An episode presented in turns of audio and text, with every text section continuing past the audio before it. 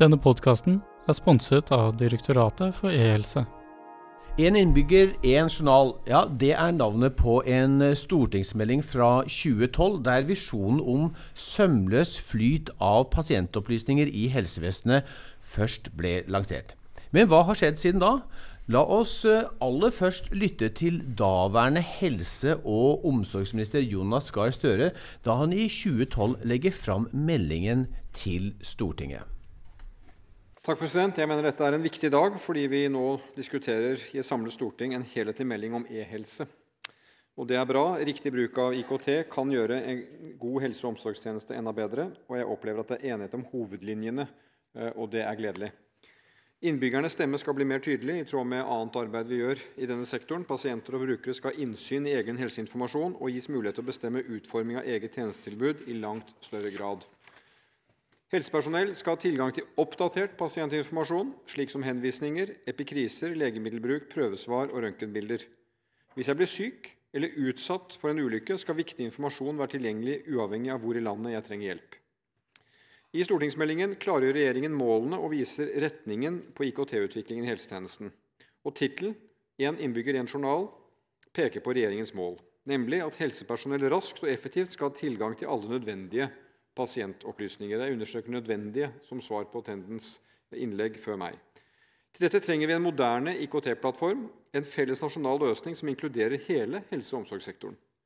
Det er et omfattende arbeid hvor vi spiller på bredden og erfaringer fra hele sektoren. Vi er i full gang med å vurdere løsningsalternativer. Men jeg undervurderer ikke kompleksiteten i den oppgaven. Derfor tror jeg vi skal sette oss realistiske mål og gå skrittvis fram. Ja, Det var Jonas Gahr Støre. det. I 2012 så ville ha en felles IKT-plattform for hele helsevesenet, med både kommune og stat i én felles løsning.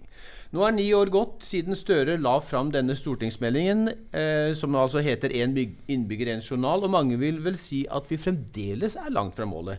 Eller er bildet mer nyansert? Og hva er det som nå skal gjøres fremover? Med oss for å svare på dette og mer til er bl.a. deg, Hans Løve Larsen. Du er fungerende divisjonsdirektør for samhandling i Direktoratet for e-helse og programeier for program Digital samhandling. Velkommen skal du være. Takk for det. Så har vi med oss Ida Fatah. Du er kommuneoverlege og gründer i Medevent eh, også. Medlytic, ja. Vi har bytta navn. Vi også går gjennom omstillinger, vi. Ja, det er bra. Viktig å få riktig navn. Takk for den. Rune Simensen, du er direktør for teknologi og e-helse i Helse Sør-Øst. Velkommen til deg også. Tusen takk. Men aller først til deg, Hans Løve Larsen. Du sitter jo sentralt i Direktoratet for e-helse. og og da må jeg bare spørre, Er vi langt fra det målet som Jonas Gahr Støre her beskriver? Nei, altså øh, Jonas Gahr Støre understreket jo både at det var komplekst, det er mange aktører, og han snakker om en helhetlig løsning. Uh, og vi har jo jobbet oss nå gjennom uh, forprosjekt uh, Akson, mm. som jo konkluderer med at det er flere plattformer og flere løsninger som må på plass. Uh, annet så må, er det jo delt opp da i at felles kommunal journal, det at det skal være en, en, felles løsning for den kommunale delen av helse- og omsorgstjenesten. og helhetlig samhandling, som er et samhandlingsnav for utveksling av informasjon. Slik som også da Jonas Gahr Støre beskrev i sitt innlegg her, at det er for innbyggere, det er for helsepersonell, og det er også for styring, administrasjon, sekundærbruk, altså forskning og utvikling. Mm. Så det er jo mange aktører som skal inn her. Mm. Og det har jo skjedd uh, mye, litt sånn som, som uh, nåværende helseminister Bent Høie sa, at det har skjedd mye, men det gjenstår mye. Mm. Ja. Ja. og det er jo den aksepten for at det er en kompleksitet, og det er en, en vei å gå som ikke er rett, men ganske krokete fram mot et mål som alle er enige om, mm. nemlig én en innbygger, én journal. Mm, nettopp. Det er i hvert fall to, uh, blitt en ny regjering siden sist, det, som har sittet i de to perioder. Ni år er gått.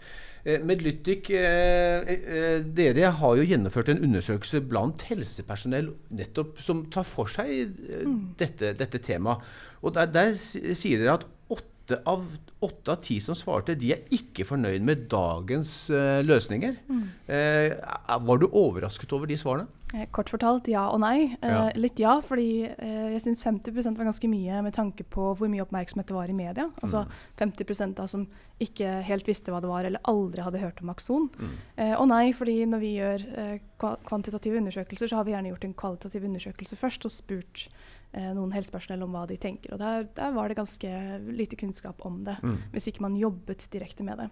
Og det var spesielt et sitat fra en lege um, som sa det fremstår som vanskelig å forstå hva det egentlig er snakk om. Jeg har forsøkt å sette meg inn i det flere ganger. Mm. Og Da jeg jobbet som kommuneoverlege i Fredrikstad, så fikk jeg nettopp den oppgaven å forsøke å sette meg inn i det. Da det var ganske tidlig i forløpet. Mm.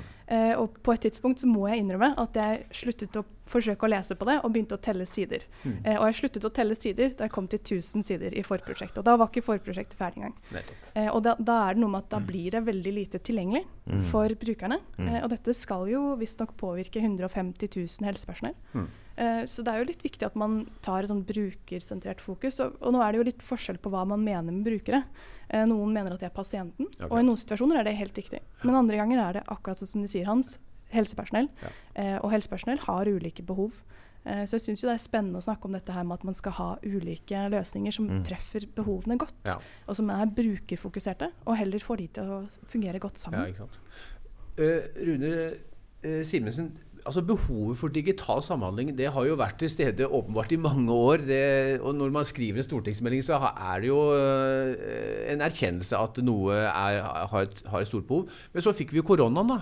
Uh, og den satte jo behovet for digital samhandling virkelig i fokus. For her plutselig kommer masse pasienter til sykehuset som ikke er planlagt. Mm. Eh, og masse, masse, skal testes, og det skal være journaler osv. Rune, hva, hva, hva, har vært erkjennelsen av eh, dette koronaåret vi har bak oss? Jeg tror at en av de viktigste erkjennelsene er at vi, eh, vi evner å levere eh, løsninger ganske raskt mm. eh, når vi først må. Mm. Uh, og det skal vi ta med oss tenker jeg, i det store bildet også i forhold til en innbygger journal. fordi når korona kom, så uh, ble det veldig tydelig hvem holdt på å si, motstanderen var. Det var viruset. Mm. Uh, og hva vi skulle oppnå. og den måten vi fikk alle disse aktørene i sektoren til å jobbe sammen på for å løse problemet, det er veldig si, motiverende da, for å mm. løse den større samhandlingsutfordringen. Mm. For det er, det er gjort uh, utrolig mye godt arbeid av, uh, av spesielt direktoratet, uh, Norsk Helsenett, FHI, mange aktører. spesialisthelsetjenesten, ja. Kommunehelsetjenesten, ja. og man har fått på plass løsninger som har gjort at vi har klart å gi svar på koronaprøver mm. raskt. Ekstremt viktig tiltak for å holde, holde smittespredningen nede. en rekke løsninger som har kommet på plass for å klare å bremse, bremse smitten. Mm. Altså, det viktigste fra mitt perspektiv er den optimismen i forhold til at vi evner hvis vi virkelig bestemmer oss. Mm. Og det skal vi ta med oss, tenker jeg. Ja, Hans, Hans Løve Larsen, altså er det den der sense of urgency Kan dere ta med dere dette, som, som Rune og Ida også var inne på? Ja, vi kjenner både sense of urgency og burning platform og hva nå enn slags begreper som, som ligger der. Eh, det er klart at eh, alle har det jo travelt. Ja. Mm. Og vårt mål er jo å forsøke å få på plass uh, en god plattform hvor den type løsninger kan utvikles på toppen av. Mm. Nettopp uh, som det blir sagt her, da, at, at uh, vi, kjenner jo ikke framtida. Vi vet jo ikke hva som treffer oss neste gang. Mm. Vi kjenner en del av de faglige, operative behovene som helsepersonell har. Mm. Vi vet hvilke krav som en innbygger har, som vi må møte med informasjonsfordeling. Altså, alle disse tingene kjenner vi. Mm. Men den fleksibiliteten for å kunne møte det som Rune sier, dette med at uh, vi får en felles fiende mm. uh, Den infrastrukturen Nå hadde vi delvis den på plass. Mm. Vi ser at vi har bygget løsninger som også genererer såkalt teknisk gjeld. Altså at man må gå tilbake og fikse opp i eh, litt strikk og binders i etterkant. Mm, mm. Men uh, alt i alt så, så, lykkes vi bra med dette. Vi hadde nasjonale løsninger som Helse Norge, som kjernejournal, som kunne formidle mm. informasjon til de som trengte det. Mm. Men dette må jo bygges en god infrastruktur, slik at det kan bygges inn i fagløsningene. Ja. At ikke det bare blir enda en portal, enda en sted som ting skal eh, registreres, informeres. Mm. Uh, og det er uh, det neste trinnet som ligger foran oss. Da. Og, og, konkret, Hvis vi skal være konkret på hva dette neste trinnet er, er det noen som kan si noen ord om det? Jeg tror lærdommen her er at uh, gjennom pandemien så har vi gått gjennom en tvangsdigitalisering. Og jeg liker å bruke ordet tvang her, fordi vi mm. hadde ikke noe valg. Nei. Vi måtte gjøre det. Uh, og vi var også enige om prioriteringene. Altså vi samlet folk på tvers for å prioritere dette. Mm. Uh, og jeg syns jo f.eks., bare for å nevne et konkret eksempel, bare det å få til denne podkasten mm. Vi var jo enige om at det var andre ting som var viktigere mm. å prioritere bort, og ja. derfor tok det lang tid å ja. få det til. Og det er litt sånn å lage en løsning på tvers når vi skal møtes fra forskjellige steder. Ja.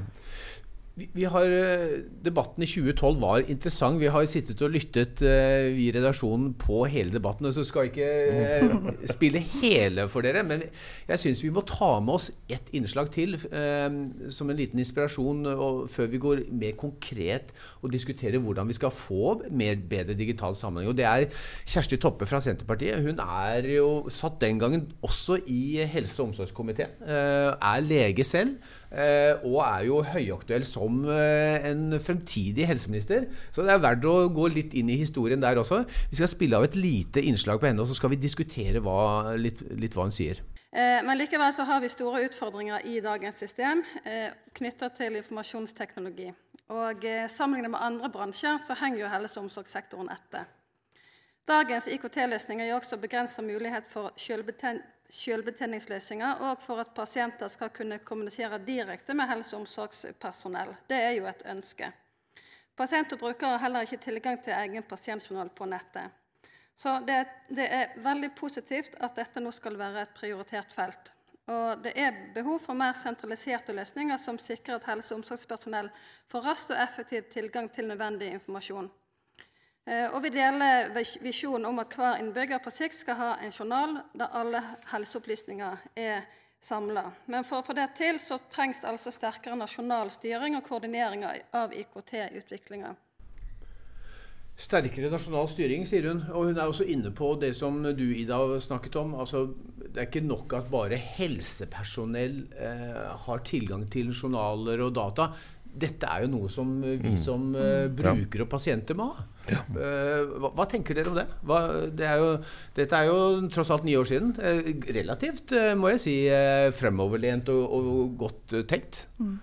Jeg syns det er litt spennende å tenke på hvordan pasientene ser på helsesektoren. og mm. se det litt sånn utenfra. Mm. Og jeg tror oppriktig at de ser på dette litt som et teaterstykke, hvor de sitter i publikum, og så ser de scenen. Og de ser ikke kaoset bak kulissene. Alt vi mm, holder mm, på for å mm. prøve å få til dette teaterstykket. Og så er det jo da litt spennende. Hvorfor er pasienten publikum her?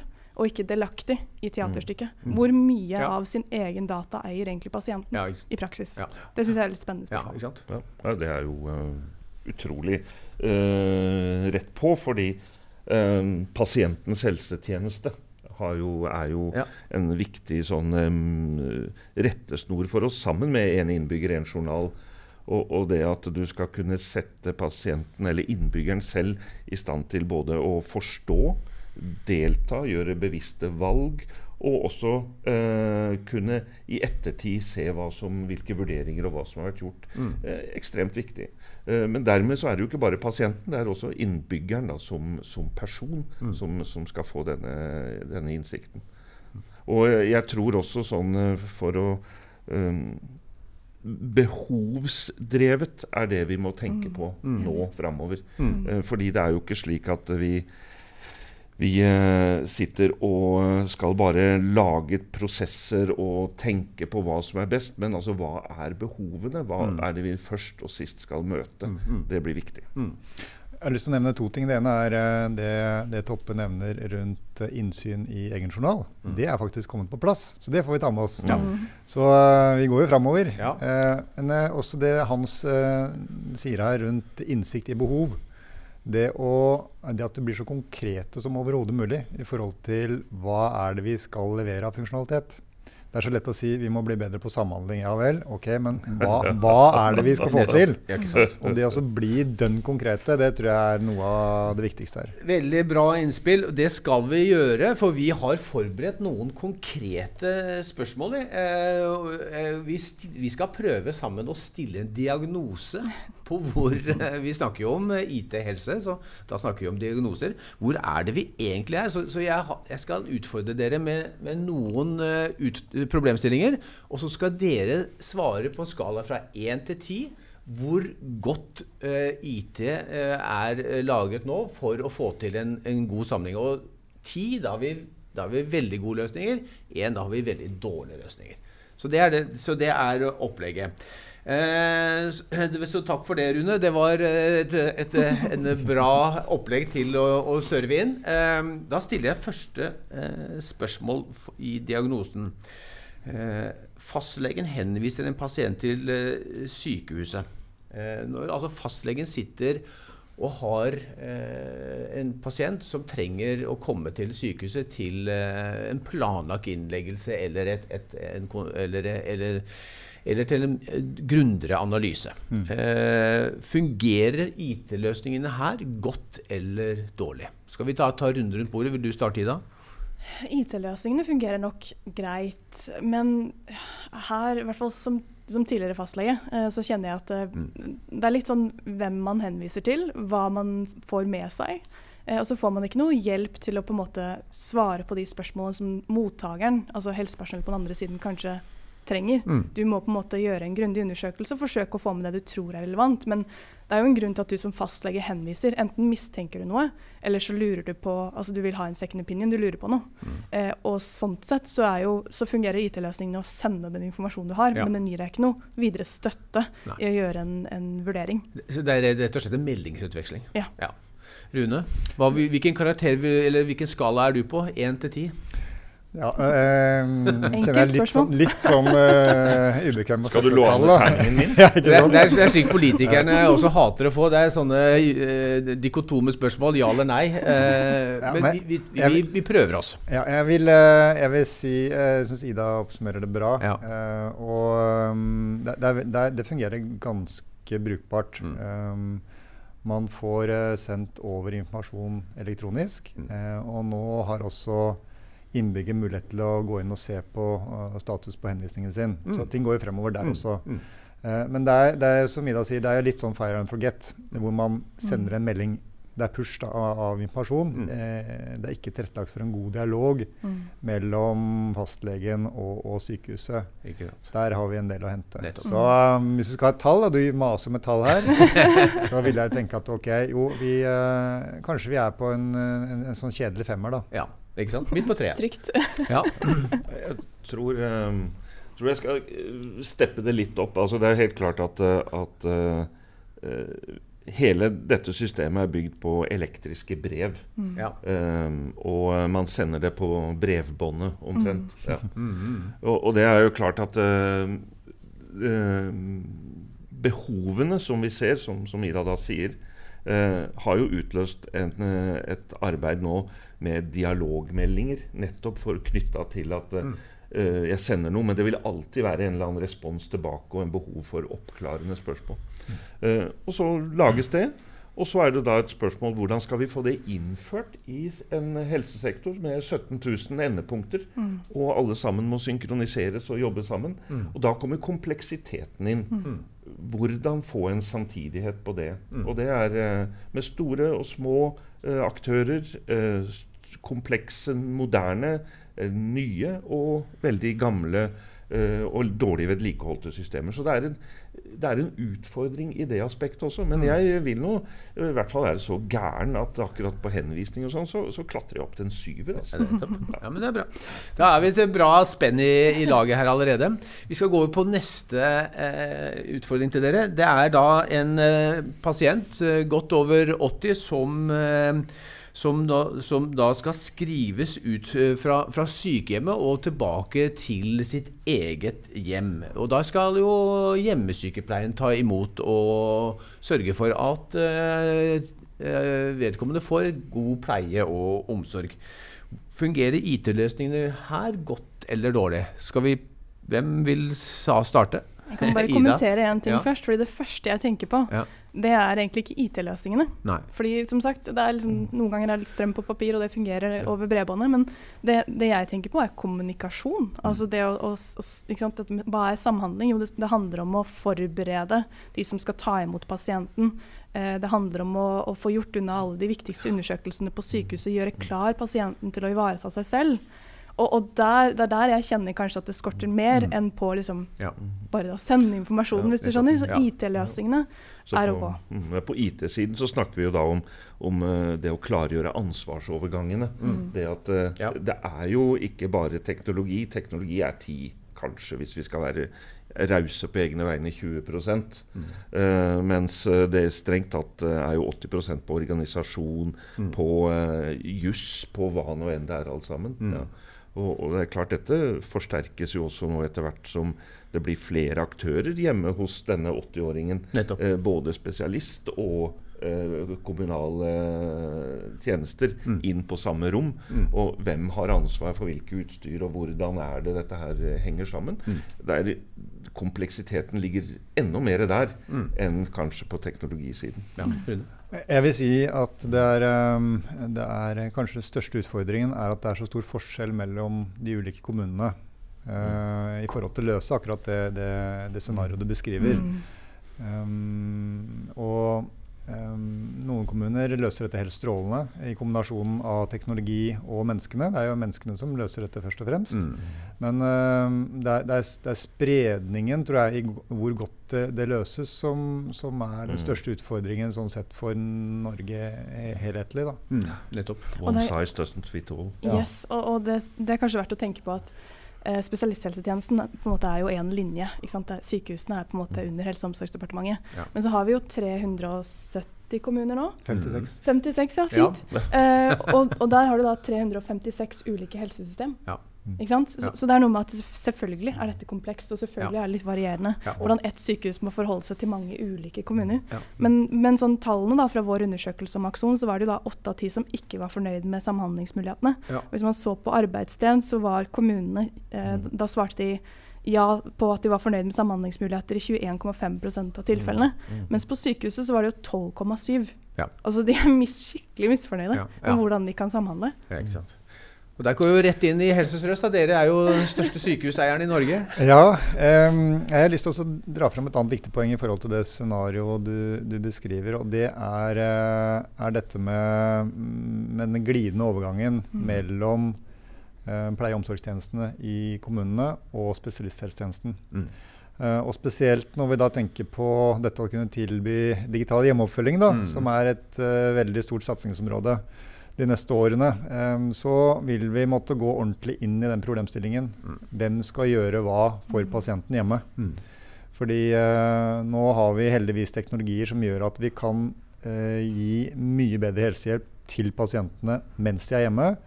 Og veldig mange av pasientene, de aller fleste, vil foretrekke å være hjemme og få behandlingen der. Og det, det, er en annen interessant diskusjon som, uh, som er langt mer enn uh, en det teknologiske. Mm. Um, og, og bore ned i ansvar mellom kommunal pleie og omsorg mm. og spesialisthelsetjenesten. Mm. Det er sikkert en egen podkast. Det blir veldig spennende, for vi, vi, går jo i retning av en ny regjering med Senterpartiet i, i, en veldig sentral rolle. Så det kommunale selvstyret skal vi virkelig bore ned. Så, så takk for den. Ja, jeg tror det er som også Rune sier, da, at her er det mange, og referanse til de lydklippene også, mm. det er mange myndighetsområder som uh, kommer, må på plass her. da. Altså Det ene er jo den juridiske delen av ansvarsdelingen mellom aktørene. Mm. Uh, og så er det jo dette med standardisering, nettopp for å kunne sørge for at både små og store eh, kommuner, små og større, store aktører, skal kunne klare å forholde seg til mm. en gitt standard og si dette er måten vi gjør det på. Ja. Og så er jo utfordringen at det er vanskelig å standardisere på ting som ikke er kommet. Eh, så man må jo henge med på utviklingen. Og det er jo veldig mye internasjonalt. Eh, det som er Det finnes jo kan jo tillate seg et lite postulat og si at det er ingen unike problemstillinger i norsk helsevesen. Mm. Uh, fordi du finner det Tigangeren i europeisk sammenheng og hundregangeren internasjonalt. Så der foregår det jo utrolig mye arbeid på og nettopp det samme området. Mm. Og det å kunne klare å adoptere de utviklingene og den kunnskapen som er internasjonalt, og applisere den nasjonalt, mm. det blir en kjempeviktig mm. oppgave for oss i myndighetssiden. Og det, det, som er litt spennende her, er også å snakke om kompetanse. Mm. Eh, fordi hvor, altså hvor, hvor, høyspesialisert skal kommunen være mm. hvis de skal få mer ansvar? Eh, og så vet vi jo at eh, hvis du skal bli en god kirurg, så må du gjøre et inngrep mange ganger. Mm. Og jo mer du sprer helsetjenestene, jo mindre ganger får du gjort det. Jo mindre spesialisert og høykompetent blir du. Mm. Så det er også denne mm. balansen mm. mellom hvem skal ha spisskompetansen, og hvor skal man kunne tilby den. Eh, så selv om du sier at det ikke er noen unike tilfeller, så vil det f.eks. For, for en kommune være ganske unikt. fordi de har har få tilfeller. Ja, ja. Jeg valgte ja, nei, det, det. fritt å spissformulere, men, men, det er jo også sånn Og den digitale kompetansen går jo også rett ut til innbyggersiden, da, som vi mm. snakka om tidligere. Altså, uh, vi så jo nå kritikken mot, uh, mot uh, covid-passet. At du kan ikke printe det ut. altså De som ikke har digital kompetanse, mm. de kan ikke bruke det. Mm. og, og det er jo ett tilfelle, men det er ganske mange tilfeller mm. hvor vi også må hensynta det. Så det er jo et uh, viktig aspekt. Jeg skal gi dere en ny utfordring. Det er uh, forkortet, uh, kort fortalt uh, pasientens legemiddelliste, som har jo vært veldig debattert. Legeforeningen sitter og etterspør den nesten daglig.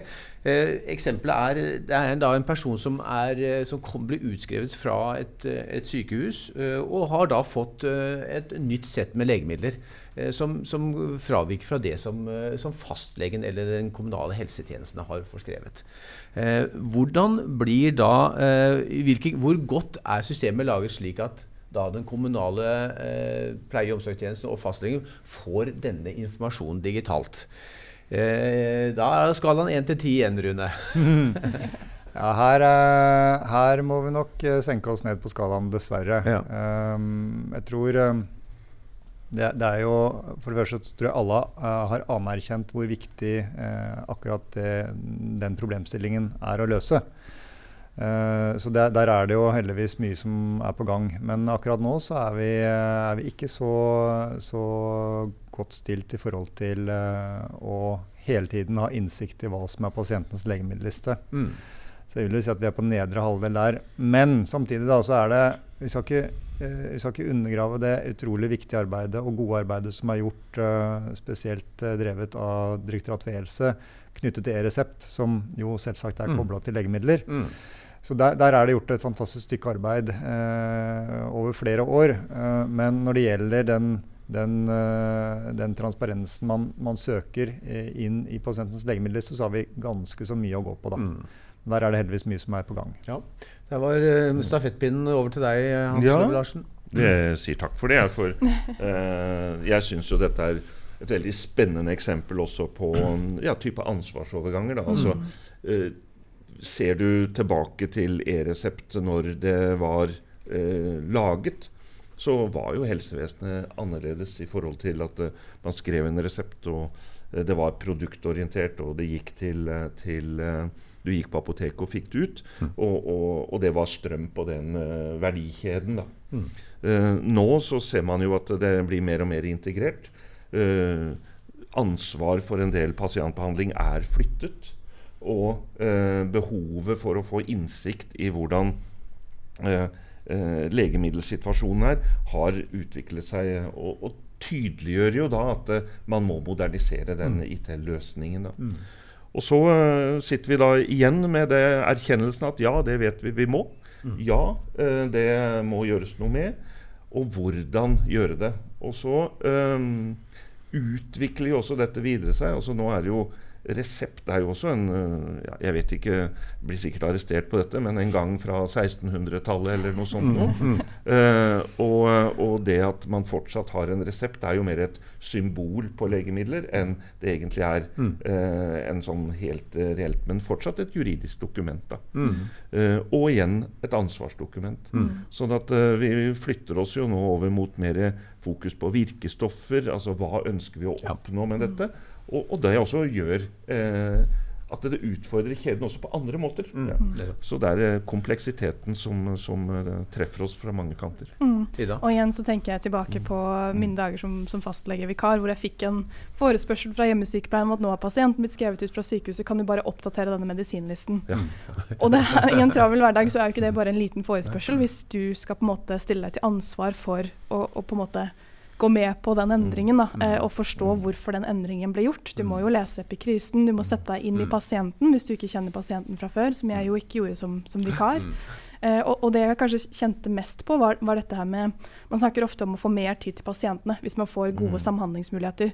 Men jeg tenker også på det å ta bedre beslutninger. Altså ha et bedre grunnlag for å ta beslutninger som er både av høyere kvalitet for pasienten og tryggere for pasienten. Så det å bare på en måte signere på en ny medikamentliste er jo utrolig tøft å gjøre, Ja. syns jeg. Ja, jeg har lyst til å, å henge meg på denne problemstillingen i forhold til det å være konkret, som jeg nevnte tidligere. Ja. Eh, og det å klare som sektor å levere pasientens legemiddelliste, den mener jeg er ganske så konkret. Da. Eh, og, men vi, vi har nok behov for også rett og slett beskrive helt nøyaktig hva er det vi skal oppnå. Jo, vi, vi skal oppnå at uh, eksempelvis da, at uh, pasienten selvsagt sjøl har innsikt. Vi skal oppnå at eh, Ida som fastlege eh, kan se hvilke legemidler eh, pasienten går på. Vi skal oppnå at spesialisten på sykehuset ser hva fastlegen har forskrevet til pasienten. Eh, og vi skal oppnå at de som kommer i ambulanse hjem til deg, eh, vet hvilke medisiner du går på før de går inn døra hjemme hos deg. Og et sett andre sånne 'dette skal vi oppnå'. Så jeg, jeg tenker dette er et område som er ganske så dønn konkret, som jeg sa tidligere. Som, eh, som eh, vi jo nå har satt på prioriteringslista. Uh, hvor vi kanskje må være flinkere til å sette noen tidsfrister her for hvor langt vi skal uh, komme til ulike tidspunkter. Da. Hans Løve Larsen, altså eh, tidsfrister. Når er, vi, når er det vi har det? Eh, Vi skulle gjerne hatt det i går, men, eh, men det, den dagen er jo gått. Ja, jeg skulle gjerne hatt det før i går også. Nei, altså det er jo ingen som kan sette en sånn type tidsfrist på dette. Fordi det er jo en eh, sammensetning av mange faktorer. Men det er som Rune sier, altså vi vet jo nå hvor vi skal. Vi tester ut dette i Helse Vest. Eh, veldig mye av den testingen vil jo også si noe om ja, men hvordan, hvilke organisatoriske tilpasninger må på plass. Ja. Og, og det er klart at dette er en delmengde av eh, Sånn som det blir beskrevet nå både fra Ida og, og Rune, så, så er jo dette en delmengde av en innbygger, en journal. Det er jo en innbygger, en medisinjournal. Og, og, og den brøytekjører veldig mange utfordringer som vi ser. Ja. Eh, Sånn at det det er jo ikke bare å knipse så Den tekniske løsningen er banal i forhold. Ja, den finnes omtrent i dag. Så, så, men det er jo det at eh, hvordan skal den ferdigstilles? Ja, Det er litt avhengig av hvilke organisatoriske utfordringer man finner i Helse Vest. Bare spør dere, altså eh, 2012 da var jo knapt iPhone eh, eksisterende. Ikke sant? Verden har jo gått med kvantesprang. Og eh, vi som forbrukere eller pasienter eh, i ulike roller har fått mer kontroll på dataene våre. Banken vår selvfølgelig, strømmen vår, eh, bilreparasjon. Alt fungerer jo eh, sømløst, nesten iallfall, eh, på IT.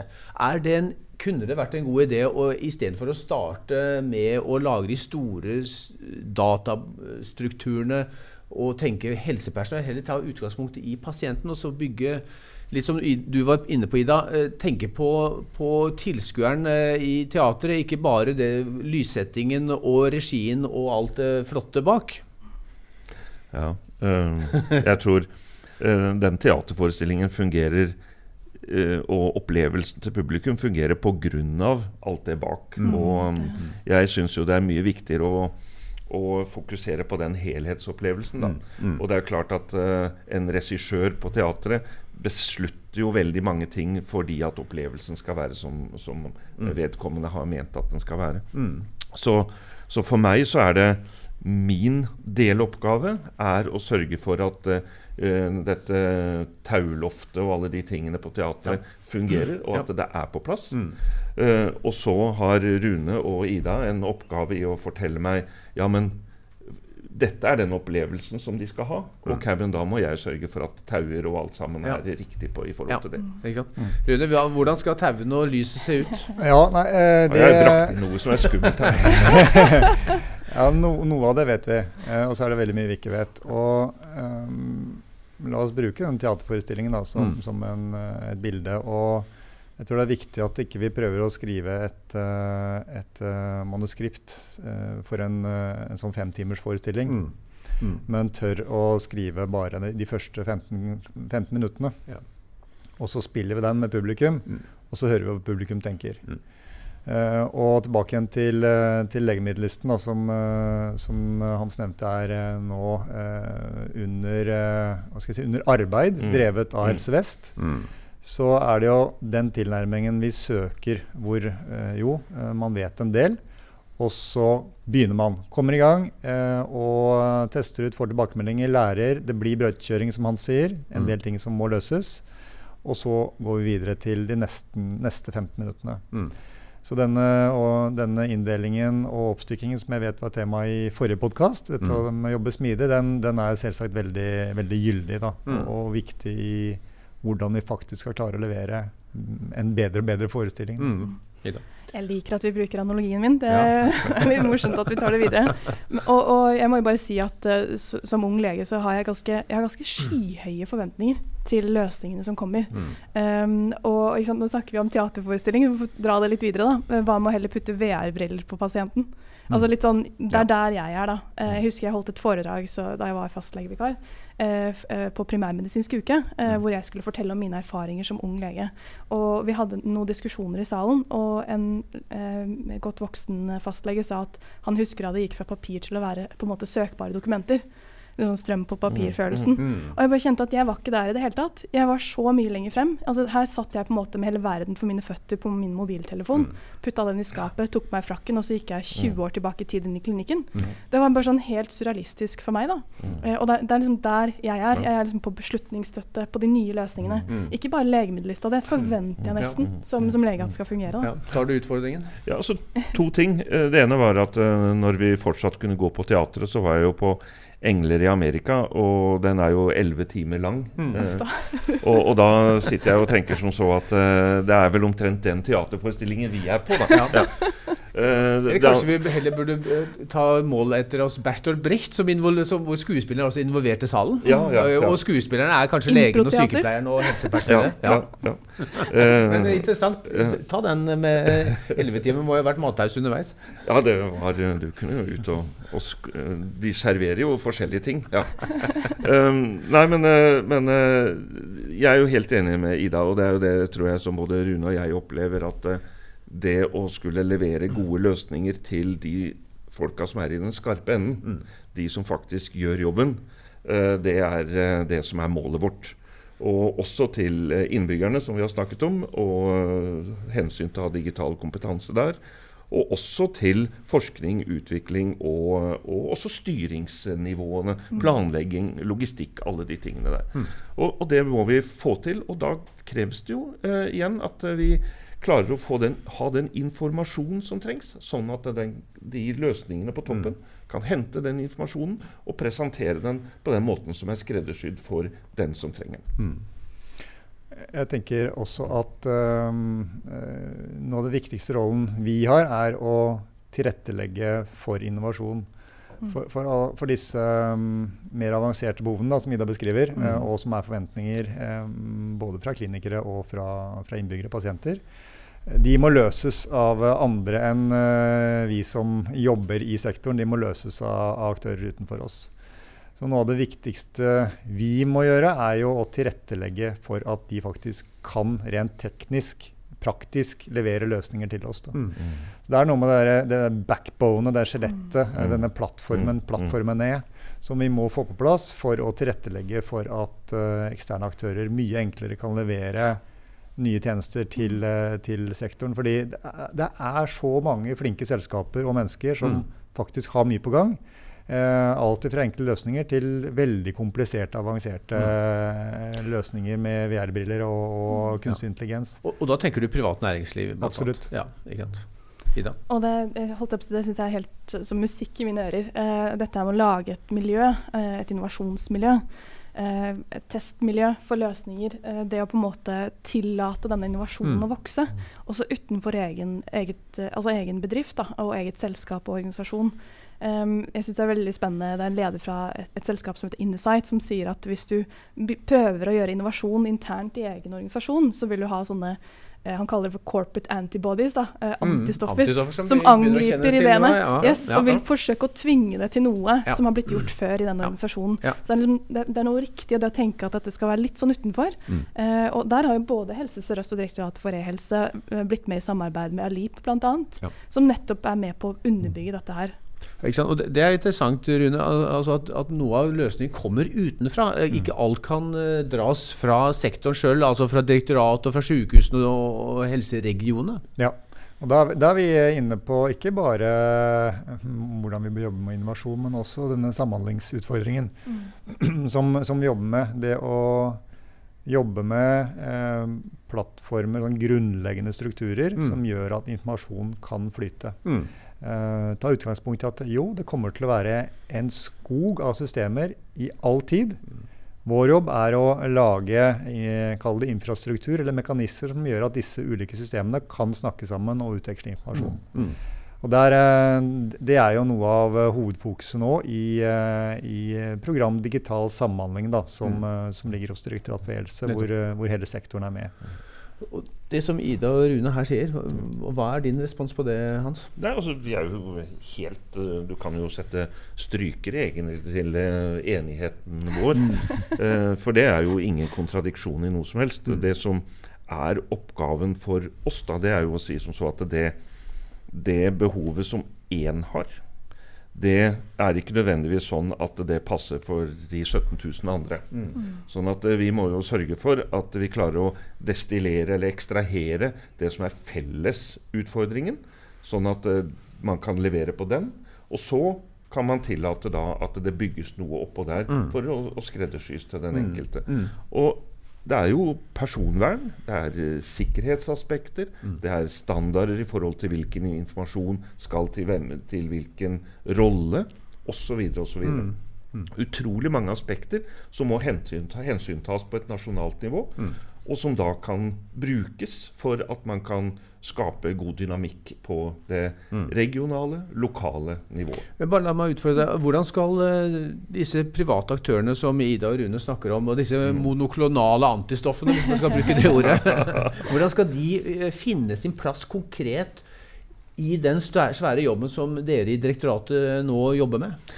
Igjen så er det sånn De er jo der i dag. Mm. Ja, og. Eh, det som er eh, målet og, og, oppgaven, er jo å sørge for å bygge de arenaene, sånn at vi kan forstå hvilken informasjon er det de trenger. Hva mm. trenger de fra den nasjonale uh, basen? da kan du si. Og hvordan skal informasjonen kunne utveksles? For de blir jo Altså Er du i et økosystem, så er du en del av et økosystem. Du er jo ikke økosystemet. Mm. Uh, og dermed så må du da kunne klare å, å akseptere og delta i informasjonsutvekslingen, mm. samtidig som du bygger videre på det. Mm. Jeg har lyst til å ta tak i én ting i, i, det samspillet mellom eh, privat næringsliv og, og, det offentlige på, når det gjelder innovasjon, og, og, og, noe vi ikke er gode nok på i dag. Eh, jo, det er en skog av, av, selskaper, store og små, som, som, har løsninger, og som tenker å utvikle løsninger. Det er fint. Det vi ikke er gode på, er å gi de en tydelig stemme inn i sektoren. Mm. Eh, jo, vi kan møtes på konferanser og, så videre og snakke sammen, men vi er ikke gode nok på å ta det inn i de strukturene vi faktisk har. Eh, vi har jo, vi har jo eh, virksomheter som er LEAP, som legger til rette for, mm. uh, for oppstartsbedrifter. Vi har Norway Health Tech, mm. som er et Nav mm. i, uh, i, helse og tech. Men vi har ikke gitt, la oss si um, f.eks. Norway Healthtech. Mm. Kanskje de burde deltatt inn i program digital eh, helhetlig samhandling. Mm. Så det å sette, ta de på alvor og få de inn i strukturene mm. våre, for få stemmen deres inn hele tiden, der har vi noe å gå på. Uh, så det er, det er, ikke noe kritikk til, uh, til Hans og Direktoratet for helse, men det er, det er, til oss alle. Mm. Jo, vi er enige med at vi skal prøve å gjøre det, men vi gjør det ikke helt. Mm. Så vi må, vi, må, vi må, ta de inn, sette de rundt bordet sammen med oss. Mm. Der er vi ikke gode nok. Mm. Og så har jeg veldig respekt for det offentliges uh, balansekunst når det gjelder krav til private aktører. Uh, for på den ene siden, hvis du stiller for høye og for mange krav, så er det ingen som klarer å levere. Ingen startups har Mm. sjans til å levere på, på, på noe. Og, og, kanskje til og med ikke store norske bedrifter engang. Uh, bare internasjonale konglomerater. ikke sant? Mm. Mens på den andre siden, hvis du ikke har høye nok krav, så blir de proprietære. Mm. De beskytter sine egne produkter. Som, som forhindrer også invasjon overfor andre, mindre Mm. eh, private aktører. Mm. Eh, så, så dette syns jeg jeg har veldig ydmykhet for eh, det offentliges eh, balansekunst her, Mm. eh, og hvor viktig det er. Men jeg tror det å lage et nettverk ikke sant? Det, Mm. det er noen som sier, det er en, en eh, professor som heter Andrew Hagedon som sier at innovation is the network. Altså det å lage et nettverk som er godt og kan løfte ditt inn i det det er hele innovasjonen. Mm. Eh, og det å få med seg akademia, forskerne, Mm. eh, næringslivet, det offentlige, og ikke minst, sånn som jeg er veldig opptatt av, brukerstemmen til helsepersonell Mm. eh, og, og pasientene. Mm. Det er så enormt viktig, for da ser du på ulike behov, behovsstyrte løsninger, Mm. fra, fra alle perspektivene. Du klarer ikke inneha alle de perspektivene selv, selv så godt som du kan prøve. Nei. er jo det eh, Selv jeg klarer ikke det. Nei. Uh, Men, nei. men ta, vil, det, det er både Rune her fra Helse Sør-Øst og Ida som, Mm. som sier, representerer eh, ikke minst profesjonene. Uh, de vil gjerne at du skal lage en uh, arena eh, hvor også da eh, norsk eh, IT, kanskje også internasjonal IT selvfølgelig eh, Nordmenn sitter jo ikke med alle løsninger, vil jeg tro. Eh, Den, kan du eh, gjøre det? Ja, den arenaen den bygger vi. Ja. Eh, og det er vi godt i gang med. Og det var jo name-droppet noen ting her, og, og de er jo eh, definitivt både invitert og, og Mm. inviterer seg selv til den Mm. eh, arenaen. Eh, men det som blir viktig i en sånn setting som, som vi opererer nå, så er det jo det at eh, innovasjonen og behovene eh, må drives fram eh, egentlig der hvor behovene er. Mm. Eh, og eh, det er jo et, et, eh, et eh, prinsipp, det er et arkitekturprinsipp nummer to fra Digdir, Mm. sier at problemer må løses så nær utfordringspunktet som mulig. Mm. Og deretter så må løsningen løftes oppover kjeden, sånn at man får med seg hva er det som er gjort. Mm. Og det er jo det som er eh, greia med, med, med dette. Da blir jo at eh, la, eh, man, la det innoveres. La, det, la dem lage løsninger, proprietære om så er. Mm. Når man ser at dette er noe som er bærekraftig på et nasjonalt nivå, eller at man burde faktisk gjøre det bærekraftig på et nasjonalt nivå, Mm. da kan vi gå inn og si at ja, men dette bør flere gjøre. Vi har eh, Vi nærmer oss slutten. Nei. Jo, dessverre. Hans, eh, det er, vi, her kunne vi sitte og pratet, uh, tror jeg, til uh, i elleve timer, som det Ja, ja, ja. du Ja, var på. Eh, vi, vi må møtes igjen. Det er helt åpenbart. Det er flere ting som må gjøres. Vi har jeg tror vi har vært inne på veldig mange spennende temaer. Og, og eh, vi, jeg tror vi avslutter nå med mens du har fått en utfordring. Så skal vi møtes neste gang hvor ting har blitt litt mer konkret. Skal vi gjøre det? Challenge accepted. Challenge Spennende. accepted. Veldig spennende. Hans Løve Larsen, Direktoratet for e-helse, tusen hjertelig takk for at du var her og tok utfordringen. Veldig sporty. Tusen takk til deg, Ida Fata. Du er kommuneoverlege og gründer i Medlytic. Takk for at du kom, og ikke minst eh, takk til deg, Rune Simensen, direktør for teknologi og e-helse i Helse Sør-Øst, som sitter jo også med en viktig rolle og et, en viktig nøkkel i dette. Vi skal la ordet det siste ordet gå til, ærbødig nok, til eh, daværende helse- og omsorgsminister Jonas Gahr Støre i Stortinget i 2012. Så uh, la han få siste ordet, og så blir det spennende å se hva som blir konklusjonen på dette.